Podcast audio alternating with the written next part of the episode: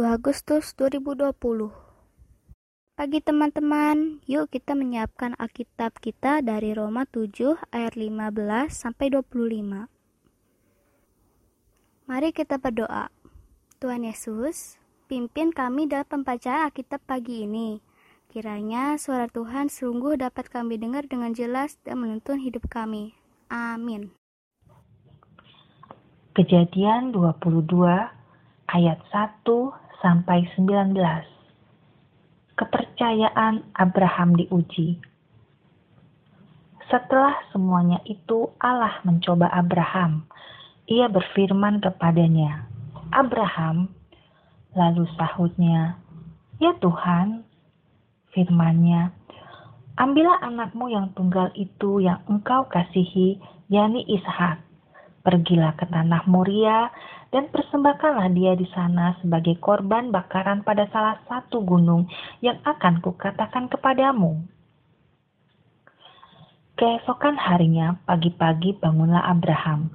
Ia memasang pelana keledainya dan memanggil dua orang bujangnya beserta Ishak anaknya. Ia membelah juga kayu untuk korban bakaran itu. Lalu berangkatlah ia dan pergi ke tempat yang dikatakan Allah kepadanya.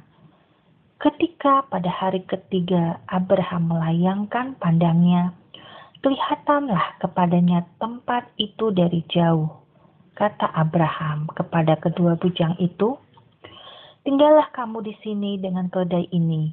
Aku beserta anak ini akan pergi ke sana. Kami akan sembahyang. Sesudah itu, kami kembali kepadamu. Lalu Abraham mengambil kayu untuk korban bakaran itu dan memikulnya ke atas bahu Ishak anaknya. Sedang di tangannya dibawanya api dan pisau. Demikianlah keduanya berjalan bersama-sama.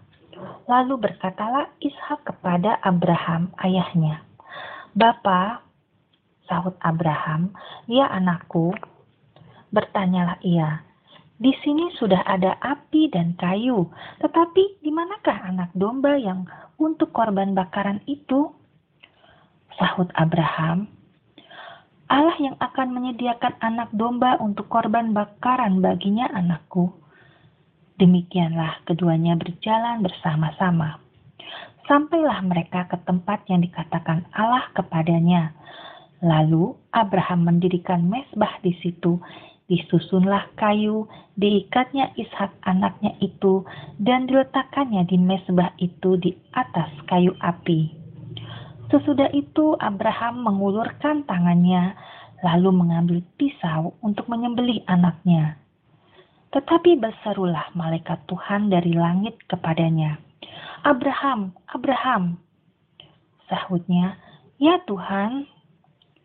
Lalu ia berfirman, Jangan bunuh anak itu dan jangan kau apa-apakan dia.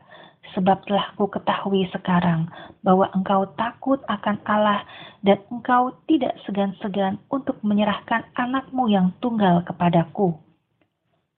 Lalu Abraham menoleh dan melihat seekor domba jantan di belakangnya, yang tanduknya tersangkut dalam belukar.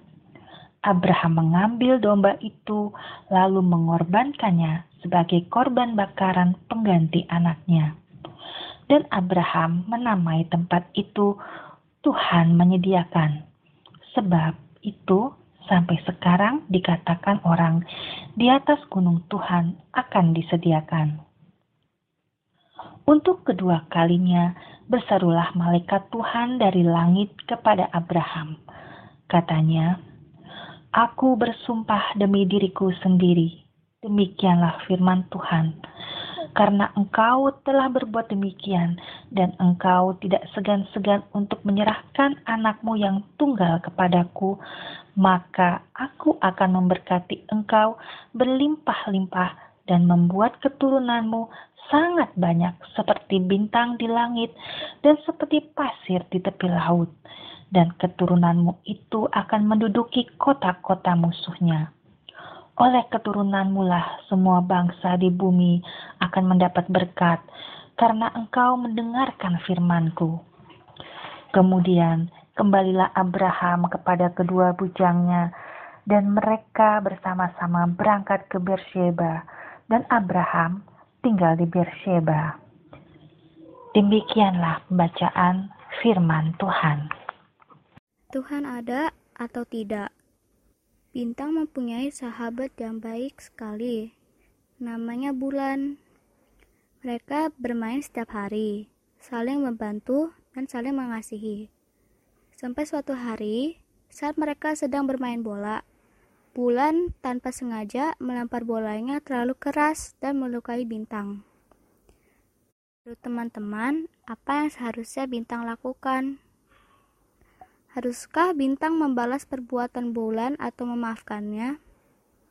Teman-teman, dari bacaan hari ini, kita diajak untuk memikirkan pikiran Tuhan. Sikap apa yang Tuhan inginkan? Bila teman-teman sudah menjawab pertanyaan di atas, yuk kita berdoa. Bapa di surga, tolonglah kami agar kami dapat membedakan mana yang merupakan pikiranmu dan mana yang bukan. Dalam nama Tuhan Yesus, amin. Teman-teman, dari renungan hari ini, percayalah karena Tuhan ada di pihak kita.